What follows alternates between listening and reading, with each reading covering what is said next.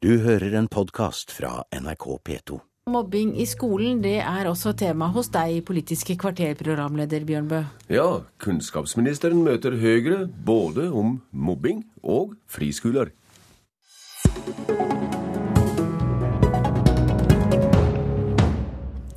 I dag har vi hørt i nyhenda tilsynsrapport om skoler og kommuner som svikter i kampen mot mobbing. Kunnskapsminister Kristin Halvorsen, hvorfor virker det som dine hjemlige formaningsbrev bare preller av der i frontlina? Nei, Det er jo ikke formaningen vi driver med overfor kommuner og skoler. Det vi gjør nå, det er å sjekke om de faktisk gjør jobben sin. Og Det er derfor vi får opp disse tallene, fordi det er for mange som ikke har alt på stell og alle rutiner på plass i mobbesaker. 90-90 ja. Og da er det små og store eh, forsømmelser, men det holder ikke. Og grunnen til at vi får den kunnskapen, er at dette er et omfattende satsingsområde for oss. Det har vært det i flere år. Vi kjører en egen kampanje overfor alle skoler som dreier seg om bedre læringsmiljø. Og så sjekker vi nå, har tilsyn som det heter, både kommuner og skoler, og da finner vi altfor mange feil, rett og slett. Og da skal vi ikke gi oss før de feilene er retta opp. Eh, Men det vi må sørge for, er jo at alle kommuner lærer nå hva det er som skal til for å jobbe skikkelig i forhold til mobbing. Det er altså Utdanningsdirektoratet og fylkesmennene som har påvist disse omfattende bruddene på opplæringslovas bo om å møte mobbing. Er skoler og kommuner dumme, eller er lova for firkanta? Nei, det er ikke snakk om at eh, det verken er dumt eller firkanta. Det er forsømmelser og kanskje litt usikkerhet rundt hva det faktisk er som skal til for å følge den delen av loven som skal sikre at alle barn har et trygt miljø eh, på skolen. Nå tror jeg en del kommuner har fått seg en vekker fordi Kristiansand kommune ble dømt til erstatning i forhold til en mobbesak som ligger 20 år tilbake i tid. I hvert fall har Kristiansand kommune fått det, for jeg har sett at de har laga en omfattende og veldig god rapport om hvordan deres skoler jobber med dette. Og mitt mål er jo at alle kommuner skal sørge for at på deres skole jobbes det skikkelig med eh, læringsmiljø og mot mobbing, og at dette er noe de rapporterer på til kommunestyret, sånn at alle tar ansvar for dette. Ja, kanskje det er noe å lære i Kristiansand. Kule skoletalskvinne i Høyre, Elisabeth Aspaker. Hvordan reagerer du på rapporten om tilsynet med skolene? Nei, Jeg syns det er svært nedslående. Så med tanke på at eh, 5 av norske elever mobbes én gang i uka, så snakker vi altså om 30 000 elever. Og jeg mener at eh, det er ti år siden det første mobbemanifestet nå kom. Statsråden hadde mobbing som en av sine topp tre saker da hun tiltrådte. Og jeg syns man må være mye mer proaktiv enn å vente på at tilsyn skal avdekke. Ja, og husk som- på det, man har vært innom bare 360 skoler. Vi har 3000 skoler i Norge. eh, Og dette er et veldig dårlig eh, tegn at vi ikke er kommet lenger. Men hva kan gjøres som ikke alt er gjort? Ja, jeg tror man på en måte må si at det enkle er det beste. Jeg tror man, jeg tror man har lært seg for mye sånn- på sånne program, og noen klager på at disse programmene er ganske kostbare, og at det er mye, mye organisering rundt dem. Altså Thomas Nordahl, som er forsker som leder denne, eh, mobbe, dette mobbearbeidet i direktoratet, han sier at det enkle er det beste. Lag eh, tre-fire tydelige regler. Ha tydelige voksne som slår ned, slår ned på alt. Altså Elever som blir krenka og som får ødelagt skoledagen av det, de lærer også mye dårligere. Så det er klart at det her er skikkelig krise at så mange skoler får pålegg når det gjøres tilsyn. Kristin Halvorsen, har du brukt feil metode i kampen mot mobbing og forbedre skolemiljø? Vi har satt i gang veldig mange tiltak. Annet har vi også gjort noe Manifest mot mobbing, som er et samarbeidsopplegg mellom alle som har med skole å gjøre. Eh, Ansatte, skoleledere osv. Vi har også gjort det lokalt, nettopp for å få det trøkket ned. Men Elisabeth har helt rett i at det er ikke eh, nødvendigvis sånn at å kjøpe fine mobbeprogrammer osv. er det som sørger for at skolene jobber skikkelig med mobbing. Det er det systematiske arbeidet over tid.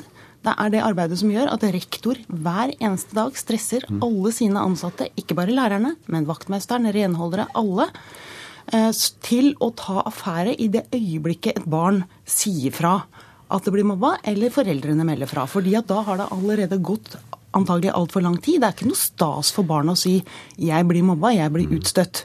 Så er det én ting til som er veldig viktig, og det er at eh, disse mobbetallene har vært ca. 5% som opplever mobbing hver eh, uke. eh, Og det er altfor høyt, og det har vart sånn over tid. Vi har fått dem ned et stykke, men så ligger det der stabilt. Det som er avgjørende viktig da, det er at dette ikke varer over tid. Fordi det er da vi virkelig kan få langvarige skader. Og husk på, ikke bare de som blir mobba, og som føler at de blir krympa, men også de som mobber. De som mobber, de finner vi overrepresentert på alle triste statistikker. På kriminalitetsstatistikker, på rus. Så det er bare vinning ved å jobbe skikkelig mot mobbing. Ja, vi har alle gått på skolen og opplevd både det ene og det andre opp gjennom tidene. Elisabeth Aspaker, i hva grad er det disiplin og mer karakterkrav som etter ditt syn også kan motvirke mobbing? Nei, altså Det å ha en skole som eh, stiller krav til elevene om at det også skal eh, på å si, alminnelig folkeskikk, det å te seg, det å ta godt vare på hverandre, det er viktig for at skolen skal fungere godt. Men jeg har lyst til å si til statsråden at det nasjonale mobbemanifestet det kom i 2003. Da hadde, fikk vi en voldsom offensiv, og mobbetallene gikk noe ned. Så har det på en måte gått den andre veien. Og ja, det er riktig at godt og vel 300 kommuner har undertegna det lokale mobbemanifestet. Men jobben er jo ikke gjort for at de samme kommunene har sørga for at alle skolene har sine egne handlingsplaner og vet hvor disse planene ligger, og bruker dem i det daglige. Eh, Og Høyre og Frp hadde et stort seminar om mobbing 29.4, og tilbakemeldinga var der at man blir ikke tatt på alvor. Elevene blir ikke tatt på alvor, foreldrene blir ikke tatt på alvor, og, og vi ser den skrekkelige historien fra Kristiansand som ender med at en elev plages så mye gjennom barneskolen at han ender opp som ung ufør og i dag er 31 år og får ei erstatning, men det er jo en mager trøst. Halvorsen, er det kanskje mer tilstedevering av voksne i skolemiljøet enn byråkrati som er viktig? Ja, nå har jeg lyst til å si at det er veldig mange skoler som jobber veldig godt med læringsmiljø, og som slår ned på mobbing med en eneste gang. Men det er for mange eksempler på elever og foreldre som ikke tar affære. Og noe av det de skolene eh, som jobber bra mot mobbing får til, det er generelt godt læringsmiljø. Det er orden og disiplin, hvis vi skal kalle det det. Altså at det er en høflig omgangstone, at det ikke er lov å slenge eh, bemerkninger osv. For så jo mer liksom, miljøet generelt sett forurenses, jo, jo eh, mer tolererer man av liksom, ypping eller småkrenkelser som kan utvikle seg til mobbing. Og så er det veldig viktig at det er voksne og eh, der hvor hva skal jeg si, det finnes noen muligheter til å gjemme seg bort på vei eh, til skolen, kroker i friminuttene, at det er positive aktiviteter i friminuttene, alle mulige sånne ting. Og så skal man også være opptatt av at det finnes digital mobbing, altså mobbing per SMS, mobbing på nett. Det var kampanjen vår i, eh, i fjor høst eh, i forbindelse med Manifest mot mobbing. Og denne høsten har vi bestemt oss for at vi skal ha voksne skaper vennskap. Altså at voksnes ansvar overalt hvor barn er, også når det gjelder fritid, eh, bl.a. dreier seg om å, å sørge for at det fins arenaer der unger kan finne seg venner. For da er man mindre utsatt for mobbing også. Aspaker. Ja, jeg har lyst til å si til statsråden at kampanjer er vel og bra, men det er det jevne, langsiktige arbeidet som det er som teller. Og jeg har lyst til å gi statsråden og, departementet ros på et måte, for det ligger en fantastisk god veileder ute på direktoratets hjemmeside. Og det er mulig at man skal ta og printe han ut og sende han til alle landets rektorer, i stedet for å stole på at de faktisk klokker seg inn på nettet og finner han sjøl. Da let vi det bli med det. da let vi det bli med det i denne omgang. Det blir med videre, men eh, først enda en repetisjon fra Høyres landsmøte. Valgfriheten skal bli større. Helsekøene skal bli mindre. Kunnskapssatsingen skal styrkes. Fylkesmannens makt skal svekkes. Og Arbeiderpartiet skal ut, og Høyre skal inn. Sa Høyre-leder Erna Solberg. Valfridom var et sentralt ord på Høyres landsmøte. Det gjelder også kunnskap, som vi hørte. Elisabeth Aspaker, du er fremdeles med. og Hvordan blir friskolelova og vilkårene for privatskoler endra dersom Høyre kommer til makta? Ja, Vi vil tilbake til den friskoleloven vi forlot eh, i 2005. Det vil si at det skal være mulig å etablere friskoler med annet enn 150 år gammel Montessori- og steinerpedagogikk. Eh, og det skal også være mulig å opprette realfagsgymnas, som nå er tema i tida, ikke bare idrettsgymnas. Eh, og vi har, eh, men vi har har også lyst til å understreke at for Høyre så er det faktisk et mål at den offentlige skolen skal være så god at det ikke skal være argumentet for å velge den skolen bort. Men foreldrene bør ha et mulighet til å gjøre et annet valg dersom de mener det er rett for sine barn. Kunnskapsminister Kristin Halvorsen også fremdeles med her. Hvordan kan dette høres så farlig ut? Ja, det, dette er en virkelig trussel mot fellesskolen i Norge. Og det eh, når vi går igjennom hva som lå i forhold til den forrige privatskoleloven som de borgerlige ville innføre, så tror jeg veldig mange eh, får seg en liten vekker.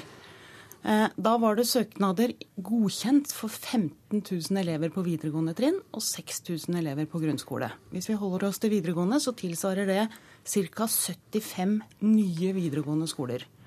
De var jo stort sett søkt om å åpne i byene, fordi det er der de private skolene regner med at det er et marked. Og det er stort sett søkt for de som driver med studiespesialisering. Eh, og det vil bety følgende at mange av de offentlige skolene ville blitt nedlagt. Eh, og at særlig de ungdommene som bor i distriktene, ville fått et betydelig dårligere skoletilbud fordi grunnlaget for deres skoler ville falle bort. Men la oss ta med grunnskolen ørlite grann også, Halvorsen, i dette bildet. Du sitter kanskje i glashus. Det har uh, godkjent en serie friskoler som kommer i stedet for grendeskoler kommunene har lagt ned? Det er helt riktig, fordi vi inngikk et privatskoleforlik med Kristelig Folkeparti som har en åpning for at skoler som driver alternativ pedagogikk og, og på religiøst grunnlag, kan få godkjenning som eh, private skoler. Og det er helt riktig at en del mindre grendeskoler har brukt den muligheten til å opprette Montessori-skoler. Men det er ikke det vi snakker om her. Det er jo ikke mange elever det er snakk om. Det vi snakker om her, det er en storstilt privatisering, særlig av videregående skole, som vil føre til mindre valgfrihet for de som ikke har mye penger og for de ungdommene som bor i distriktene. Og jeg mener at det er helt feil vei å gå. Nå har vi en stor utfordring i forhold til å få flest mulig mm. ungdom til å gjennomføre videregående opplæring. Og fellesskolen, der vi møtes alle sammen, er en veldig viktig del av det samholdet vi har i Norge. Mange andre land sliter med mye større klasseskiller enn oss. Mm. Bl.a. fordi stort sett alle som sitter og tar beslutninger, har gått på de samme privatskolene. Aspaker, noe av det underliggende her er kanskje at det fremdeles er slik at friskoler og privatskoler kan spenne bein unna det offentlige skoleverket? Nei, vet hva, jeg er, ikke, jeg er ikke redd for det. Og statsråden sitter definitivt i glasshus. For siden 2007, eh, og inkludert de søknadene som er innvilga for det kommende skoleåret, så er det oppretta 10 000 nye Eh, skoleplasser inne i private skoler i Norge. Så man eh, sier man imot, men i praksis så håndterer man en lov som faktisk også gjør at det i dag etableres nye skoleplasser. Men Høyre er altså ikke redd for at det skal være en, en, en større valgfrihet. Altså 4% av norske grunnskoleelever går i, går i private skoler. Det er ingen katastrofe. Noen flere i videregående ville ha kommet til å gjort det med, med vårt, vår lovopplegg. Men jeg syns at statsråden har faktisk ingen dekning for å si at det vil si storstilt nedleggelse av eh, offentlige videregående skoler. Hvor tar man det fra? Folketallet i Norge vokser. Eh, og hvis det er sånn at man er så redd for kvaliteten i de offentlige videregående skolene at det vil bli storstilt nedleggelse med at man etablerte private, så det er kanskje viktig at det kommer et korrektiv, og at, eh, og at det blir en konkurranse på det området, sånn at man skjerper seg og får til bedre kvalitet. Ja, Tråkker du i løse lufta, Halvorsen? Absolutt ikke. De 10 000 plassene de må jeg rett og slett få sjekke, for det syns jeg høres helt feil ut. Men la meg si det, jeg bare forklare dette veldig tydelig hvordan det ville, eh, hvordan det ville slå ut. Det ville f.eks. slå ut sånn som søknadene eh, lå Eller godkjenningene lå inne. En tre-fire private videregående skoler i Trondheim, en tre-fire kanskje i Drammen, uh, noen i Sandefjord, noen i Oslo osv. Disse private skolene de oppstår jo i konkurranse med de fellesskolene vi har. de offentlige skolene vi har. Og i det øyeblikket mange av de eh, tiltrekker seg elever, så faller grunnlaget for fellesskolene bort. Det betyr jo at de som ikke har de pengene til, eh, til å betale for privatskoler, de får mindre valgmulighet. Og særlig vil det være jeg overraska over at Elisabeth Aspaker, som tross alt er fra Distrikts-Norge, ikke ser hvor utrolig kritisk dette kan bli for veldig mange videregående elever i distriktene. Fordi grunnlaget for mange av deres skoler ville falle bort. Og så er det sånn at over tid viser det seg at de som har mange privatskoler i sine land, de tiltrekker seg de elevene av de foreldrene som enten har penger eller er veldig opptatt av skole, eller begge deler. Og så tiltrekker de seg etter hvert lærekrefter, og det går på bekostning av fellesskapet. Og i Norge har vi fellesskap og samhold. Det er derfor vi har rosetog. Det er fordi at vi stiller opp i fellesskap eh, og er vant til å omgås på tvers, uavhengig av foreldrenes økonomi. Det er ingen ja. motsetning mellom rosetog og f.eks. opprettelse av realfagsgymnas. Det tåler den offentlige skolen, og det ville vært en berikelse for Skole-Norge. Det er det det dreier seg om, og det lager forskjeller i Norge som vi ikke er tjent med. Da er rett og slett Politisk kvarter slutt. Takk til Kristin Halvorsen og Elisabeth Aspaker. Jeg heter Bjørn Bø. Du har hørt en podkast fra NRK P2.